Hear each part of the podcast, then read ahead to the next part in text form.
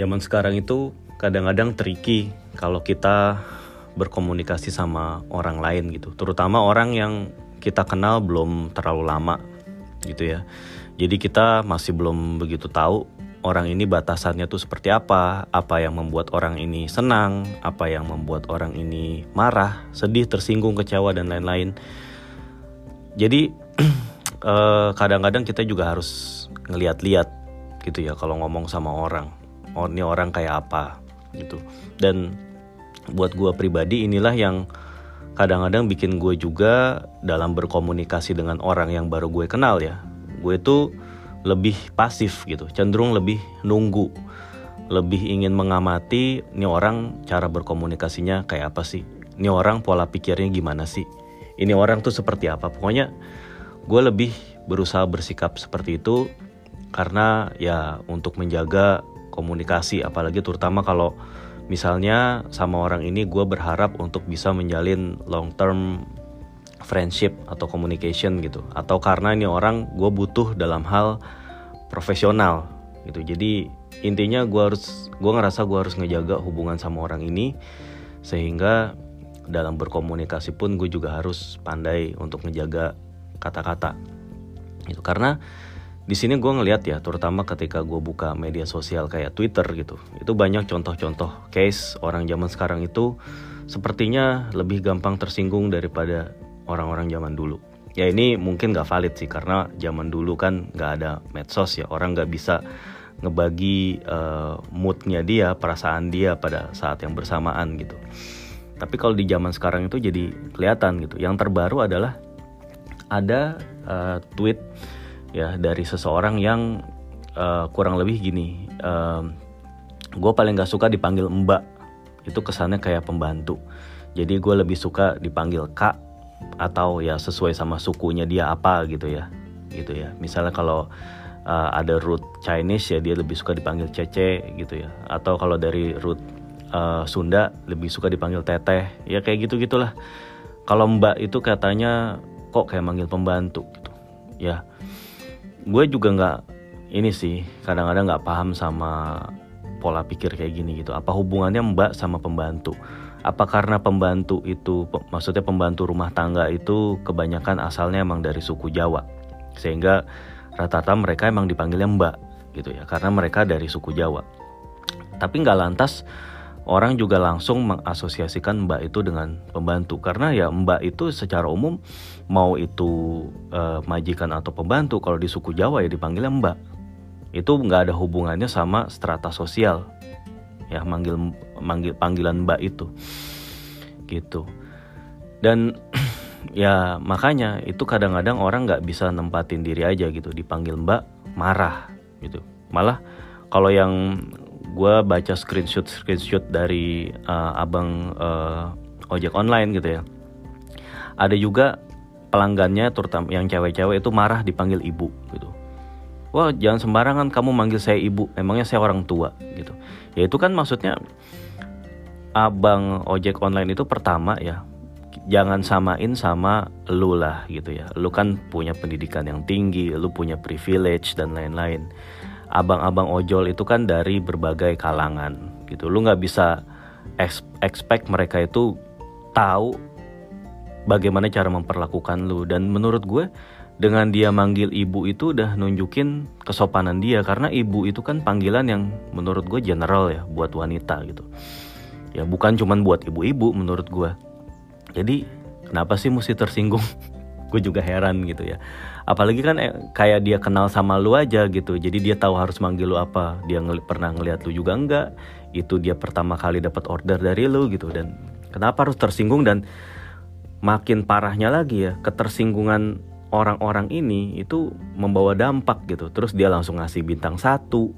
Katanya dianggap nggak sopan gitu kan. Akhirnya itu abang-abang abang ojol jadi kena suspend lah performanya jadi nggak bagus lah terus mempengaruhi bonusnya dan lain-lain. Dia nggak sadar gitu betapa ketersinggungan dia yang sebetulnya nggak penting-penting amat itu itu berpengaruh kepada hajat hidup orang ya. Mungkin buat si mbak yang pesen uh, oh sorry ntar dipanggil mbak juga dia marah lagi. Buat si kakak yang pesen uh, order ya yang order makanan ya sama si abang ojol itu duit kayak 50 ribu 100 ribu itu nggak begitu berarti gitu. Dia nggak sadar aja. Buat ojol itu yang penghasilannya jauh dibandingin dia duit segitu tuh berarti banget gitu. Artinya orang-orang seperti ini tuh ya menurut gue ya orang-orang yang kurang empati dan kurang belajar aja sih ya. Lagi-lagi ya nggak ngerti lah gue. Kenapa dipanggil mbak atau dipanggil ibu itu dia ngerasa offended gitu.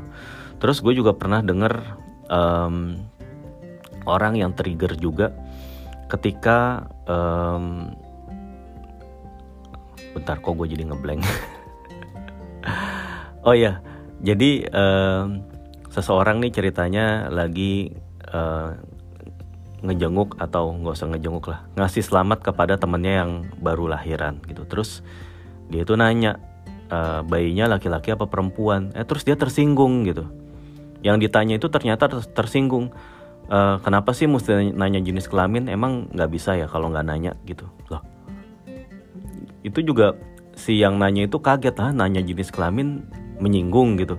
Kan ya lu nggak usah gr banget gitu kayak kenapa ya? Maksudnya kan orang nanya jenis kelamin itu kali aja dia mau ngasih kado gitu kan.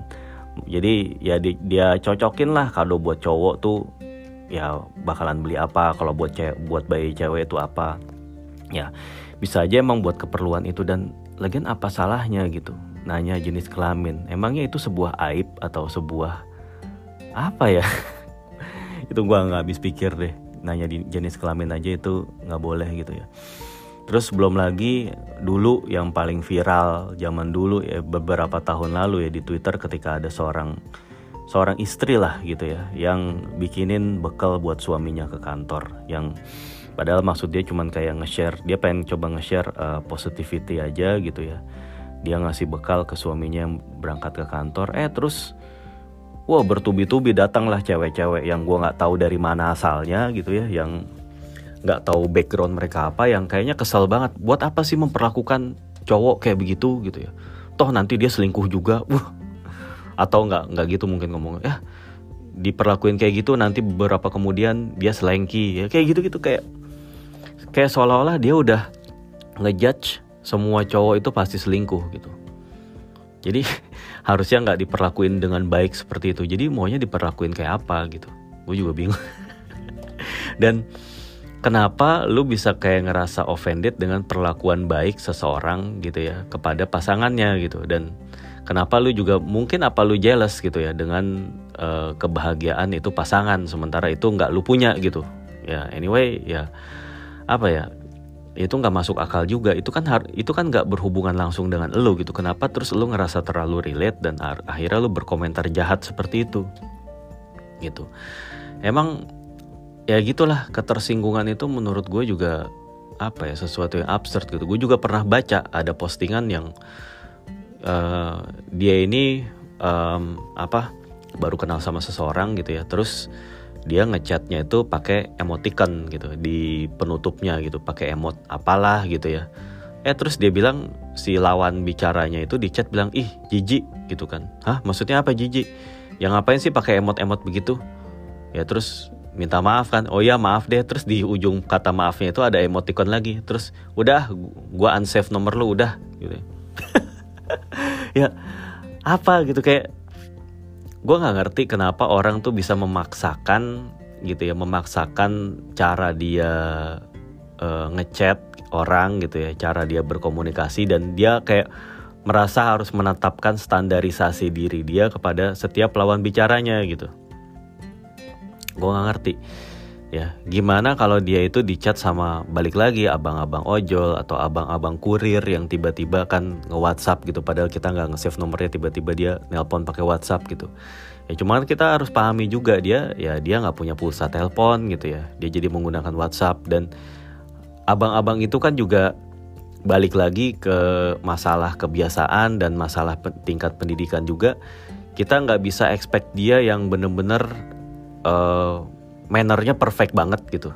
Tugas dia kan ya mengantar barang as simple as that gitu. Kalau kita mau mikir simple juga kita nggak usah berharap dia itu kayak jadi ajudan kita yang jadi sopan sama kita gitu. Atau jadi kayak uh, ya personal assistant kita yang yang hormat banget sama kita gitu. Atau kayak jadi kayak fans kita yang bener-bener adoring kita gitu.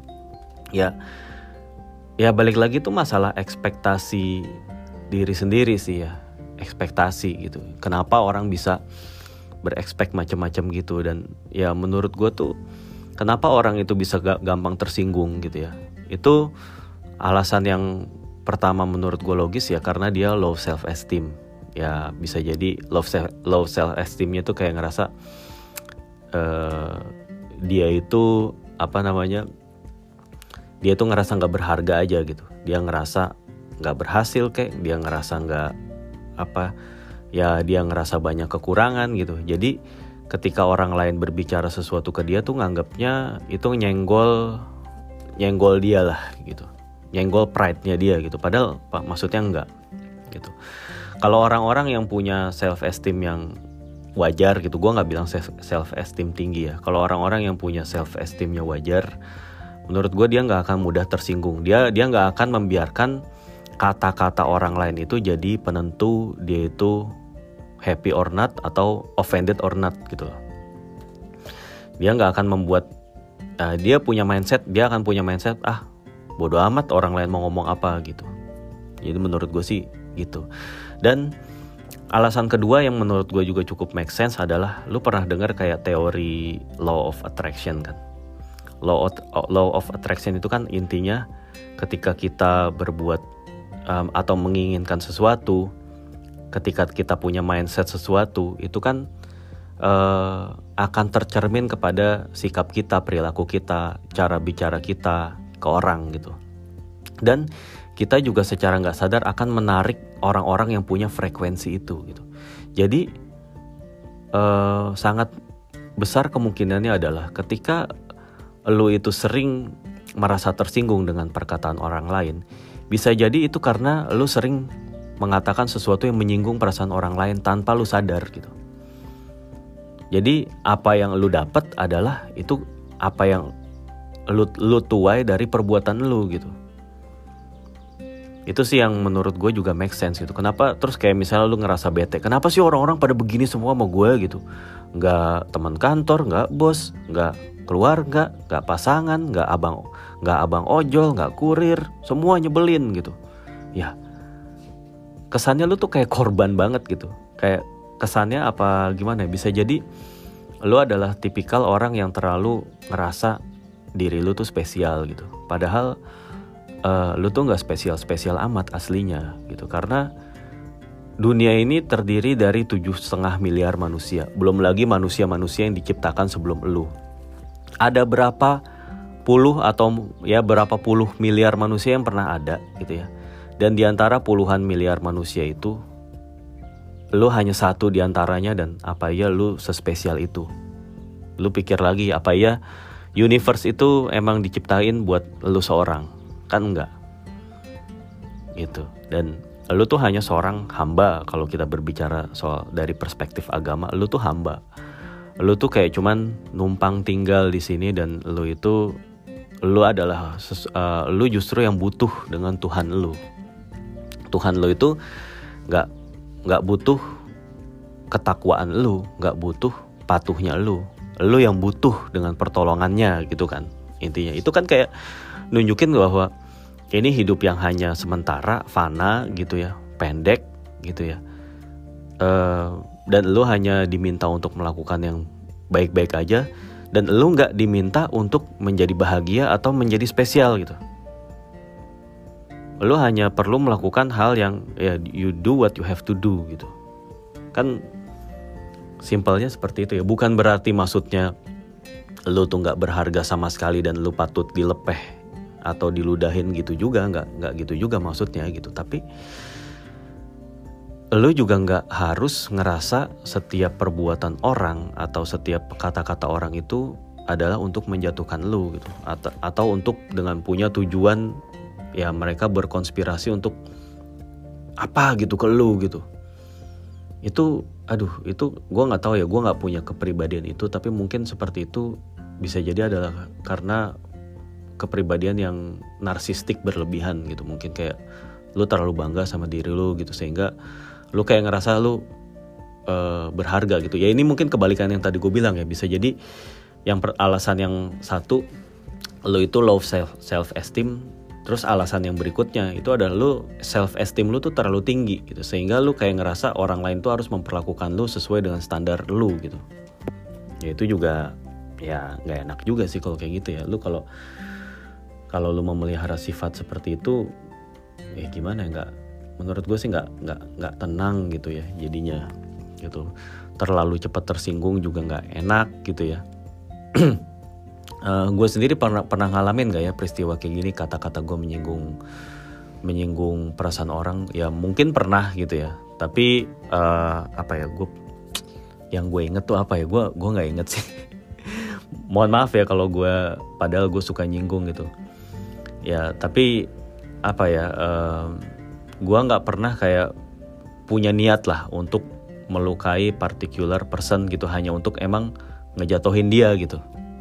Karena orang emang ada seperti itu. Orang ada yang emang selalu punya tujuan kalau ngomong sama seseorang yang dia benci gitu dia akan ngomong sesuatu yang ingin menjatuhkan dia gitu. Ada emang orang yang kayak gitu. Kalau kalau gue sih gue sih nggak pernah begitu kalau jadi orang gitu. Gue buat apa gitu. Apalagi ya itu didasari sama apa juga gitu. Ya gitulah. Anyway. Terus uh, bisa jadi juga dia korban bullying sih. Korban bullying terus dia ngerasa jadi segala sesuatu yang orang lain ucapkan itu kayak pengen ngebully dia gitu. Dan ini ada hubungannya katanya sama inner child gitu ya.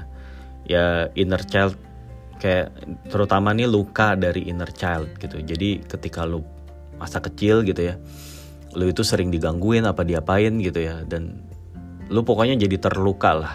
Dan luka itu tanpa lu sadar lu bawa terus sampai lu dewasa gitu. Dan ketika itu kayak di dibuka lagi gitu ketika ada seseorang yang uh, membicarakan topik itu lagi lu kayak ngerasa terbuka, terbuka luka lu gitu. Kayak misalnya mungkin yang tadi yang soal uh, nyiapin bekal buat suami gitu ya.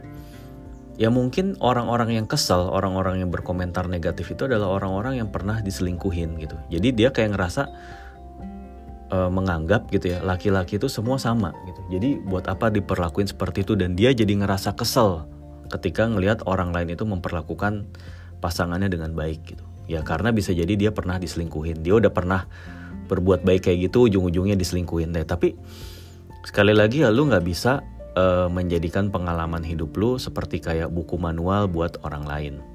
Cerita orang itu beda-beda, completely different gitu.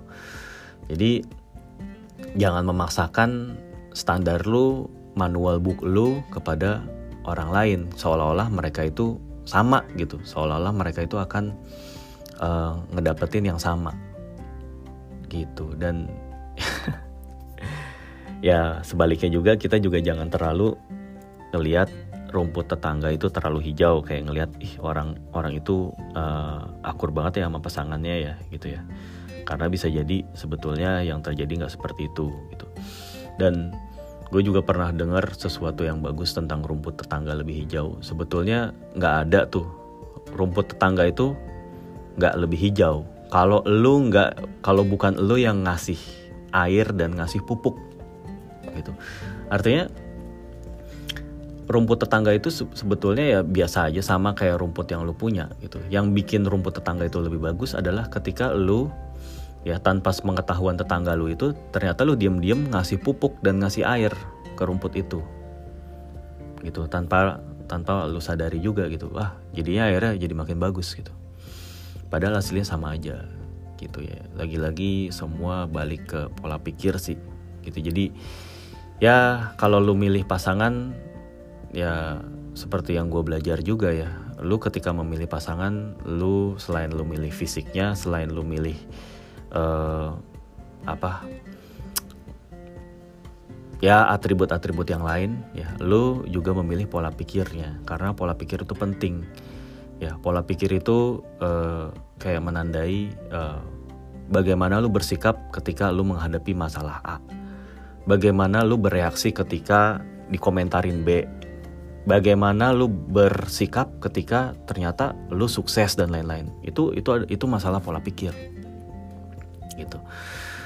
Dan apakah lu akan lebih memperhatikan orang lain atau lu bersikap lebih fokus kepada diri sendiri? Itu kan juga masalah pola pikir. Jadi ya gue sih suka sih. Balik lagi gue sangat suka menyelami pola pikir orang untuk tahu oh ini orang begini ini orang begitu. Gue bukan berarti gue pengen apa-apa gitu ya. Itu kayak jadi ya dari gue sendiri kayak gue mempelajari gitu. Ini gue berkomunikasi sama orang ini tuh gimana sih sebaiknya gitu supaya dia nggak supaya nyaman aja lah dan supaya dia nggak ada ketersinggungan dan apa-apa gitu. Ya balik lagi ke soal ketersinggungan emang semua orang itu bebas kayak tersinggung gitu. Kayak punya hak juga sebetulnya gitu untuk ngerasa tersinggung dengan orang lain. Apalagi kalau ini menyangkut hal yang besar gitu ya. Kayak misalnya ada orang yang emang nyinyir gitu. Nyinyir kayak uh, lu belum punya anak nih tapi ada orang yang nyinyirin terus ngomongin anaknya terus gitu. Ya anak gue lucu anak gue sehat bla bla bla bla. Itu di depan orang yang uh, belum punya anak gitu. Atau ada orang lain yang apa um, ya katakanlah pengantin baru gitu ya. Dia nyombong nyombongin bla bla bla gitu ya kepada orang yang masih jomblo gitu. Itu kan sangat sangat tidak uh, apa ya itu lu sangat tidak peka gitu kalau kayak gitu. Dan dan menurut gue wajar ketika lu tersinggung ketika orang-orang semacam itu ber, bertindak seperti itu gitu. Itu hal yang wajar gitu. Tapi lagi-lagi emang uh, ya lu bisa ngeset sendirilah dan balik lagi ya lu bisa um, apa ngeset juga pola pikir lu bahwa apa yang dikatakan orang lain itu tidak mencerminkan diri lu ya. Itu what people say apa namanya uh, pokoknya what people say about you doesn't define your life gitulah. Pokoknya intinya gitu. Dan balik lagi ya ada juga yang bilang ya udah buktiin aja gitu. Itu kayak jadi hmm, buktiin aja kalau dia salah gitu itu jadi kayak membentuk balas dendam yang positif ya itu boleh aja sih dalam beberapa hal uh, lu balas dendam positif kepada orang lain itu bagus gitu ya. Tapi kalau diikutin terus lama-lama lu akan capek. Kayak contohnya gini, misalnya ada orang lain yang underestimate lu di sekolah nih. Ah, apaan orang kayak lu begini nilainya aja jelek-jelek gimana bisa masuk kampus uh, negeri gitu kan. Ada tuh di SMA di SMA gue banyak tuh makhluk-makhluk yang seperti itu dan gue termasuk korbannya dulu. Termasuk ada beberapa anak yang padahal ya dia menurut gue sih pinternya tuh nggak yang pinter-pinter amat juga gitu. Ini ngomongin akademis ya. Tuh.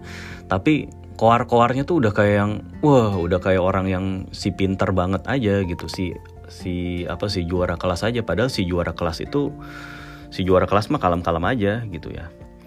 Tapi dia komentar kayak gitu dan uh, at some point itu bikin gue kadang-kadang termotivasi juga pengen balas dendam positif. Kayak contohnya gue pernah digituin waktu uh, gue sekelompok sama orang-orang pinter gitu. Mereka kayak ngerasa gue nggak akan berguna di kelompok ini gitu ya.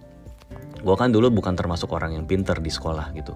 Dan uh, uh, apa sayangnya gue sekolah di sekolah favorit yang isinya anak-anak yang isinya anak-anak yang pinter beneran dan pinter-pinter nanggung gitu. Nah anak-anak yang pintar nanggung ini kadang-kadang yang suka sotoy kan sama aja kayak orang yang kaya nanggung itu suka lebih sotoy daripada yang kaya beneran. Nah anak-anak yang pintar nanggung pun begitu.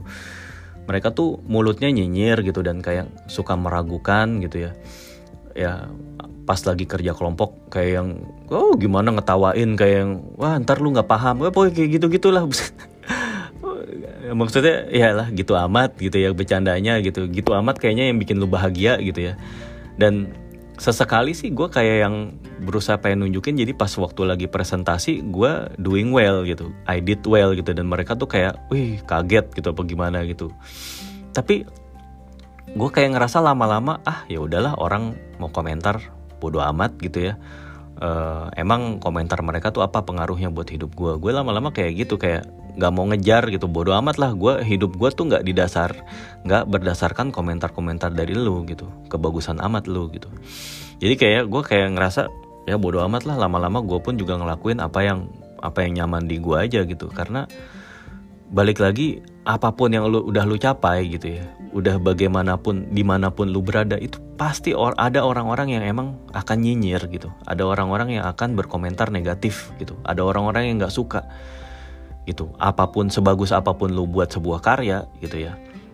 Sebagus apa pun lu berkarir gitu ya. Pasti akan ada orang yang nyinyir gitu ya. Dan orang-orang yang salah tangkep gitu. Oh ya ngomong-ngomong salah tangkep gue juga pernah eh, baru-baru uh, ini ngelihat uh, kayak kejadian nih ada sebuah apa bukan sebuah seorang youtuber gitu ya. Youtuber yang uh, uh, ngebahas tentang gitar gitu ya suatu ketika dia karena subscribernya udah banyak dia pengen ngadain giveaway gitu ya. Giveaway-nya hadiahnya satu buah gitar gitu kan. Ya banyak yang pengen dong dan banyak yang banyak yang ikut gitu.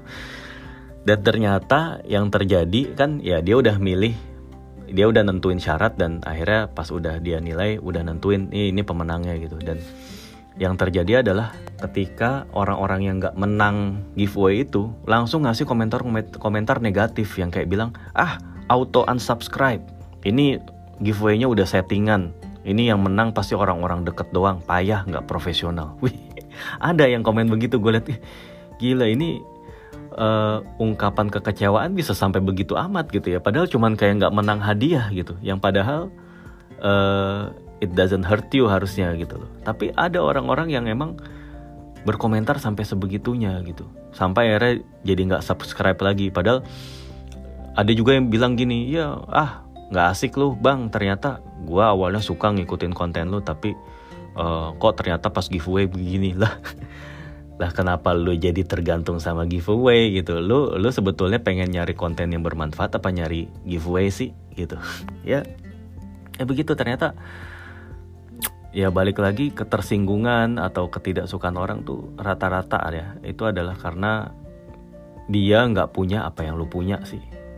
Gitu aja gitu. Mungkin orang-orang yang balik lagi gue juga kayak jadi ingat orang-orang yang satu sekolah sama gue dulu yang dulu, dulu suka kayak nyinyir nyinyirin gue mungkin mereka ngiri kali ya kok uh, eh, gue masih suka main bola sih? Lu masih ngeras gue masih suka bebas ngerasa bisa main apa bisa main-main seneng-seneng gitu ya tapi sambil bisa sekolah juga. Kok bisa sih lu ngerasa gitu? Sementara gue gue nggak bisa kayak gitu. Gue takut diomelin emak gue mungkin gitu kali ya bagaimana gak tau lah apa yang mereka sirikin kayak gitulah.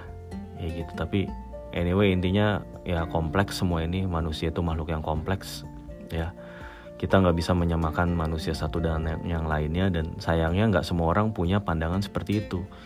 Macam kayak mbak-mbak yang eh atau sorry mbak-mbak lagi ters, tersinggung lagi. Macam kayak kakak-kakak yang tersinggung dipanggil ibu dipanggil mbak ya itu ya gue nggak tahu apa yang kurang di hidup mereka sehingga mereka bisa jadi tersinggung hanya karena dipanggil seperti itu dan bisa ngasih rating rendah yang berpengaruh pada karir orang lain dan mereka nggak nggak berpikir itu gitu. Kayak aduh ketersinggungan gue ini harus difasilitasi nih sama perusahaan gitu. Kayak kok kok ada ya perusahaan mempekerjakan orang yang nggak sopan manggil ibu? Dipikirnya gue udah tua apa? Ya. Aduh. Ah ya udahlah. Ini pokoknya hal-hal yang kayak gini-gini nih emang jadi bikin gue lebih hati-hati aja gitu. Walaupun nggak bisa juga kita hindari belum tentu semua orang itu bisa paham pola pikir kita dan uh, bisa jadi belum paham kita ini sambil bercanda atau gimana gitu ya. Dia nganggapnya serius gitu dan yang gue lakukan itu adalah kayak uh, sebetulnya gue memperlakukan orang itu adalah bagaimana gue ingin diperlakukan. Jadi gue ber, uh, uh, berbuat baik ke orang ya tentu kadang-kadang gue juga punya harapan orang berbuat baik balik ke gue gitu. Walaupun itu tidak semua. Dari pengalaman yang udah ada nggak semua kayak gitu. Mau gue udah baik gimana sama tuh orang kalau emang itu orang pada dasarnya nggak baik ya udah dia nggak akan berbuat baik juga. Dan itu bukan masalah sama sekali. Gitu. Ya sekarang sih gue udah bisa bilang gitu. Gue bisa bilang ah bodo amat gitu. Gue udah kayak suka-suka lu deh gitu. Ya. Dan balik lagi uh, orang juga punya macam-macam punya macam-macam story gitu. Di story si A lu bisa jadi adalah pahlawan. Di storynya si B lu adalah si penjahat si villain gitu. Di storynya si A lu bisa jadi adalah orang yang setia kawan. Di storynya si C lu adalah tukang main tusuk dari belakang. Ya macam-macam. Kita tuh bisa jadi macam-macam tokoh di kehidupan orang lain. Dan itu kita nggak bisa. Itu adalah hal yang kita nggak bisa atur. Dan karena itu ya udah. Makanya cara yang singkat untuk menghadapi kayak gitu bersikap bodoh amat. Gitu. Ya udah oke okay, gitu aja. See you later. thank you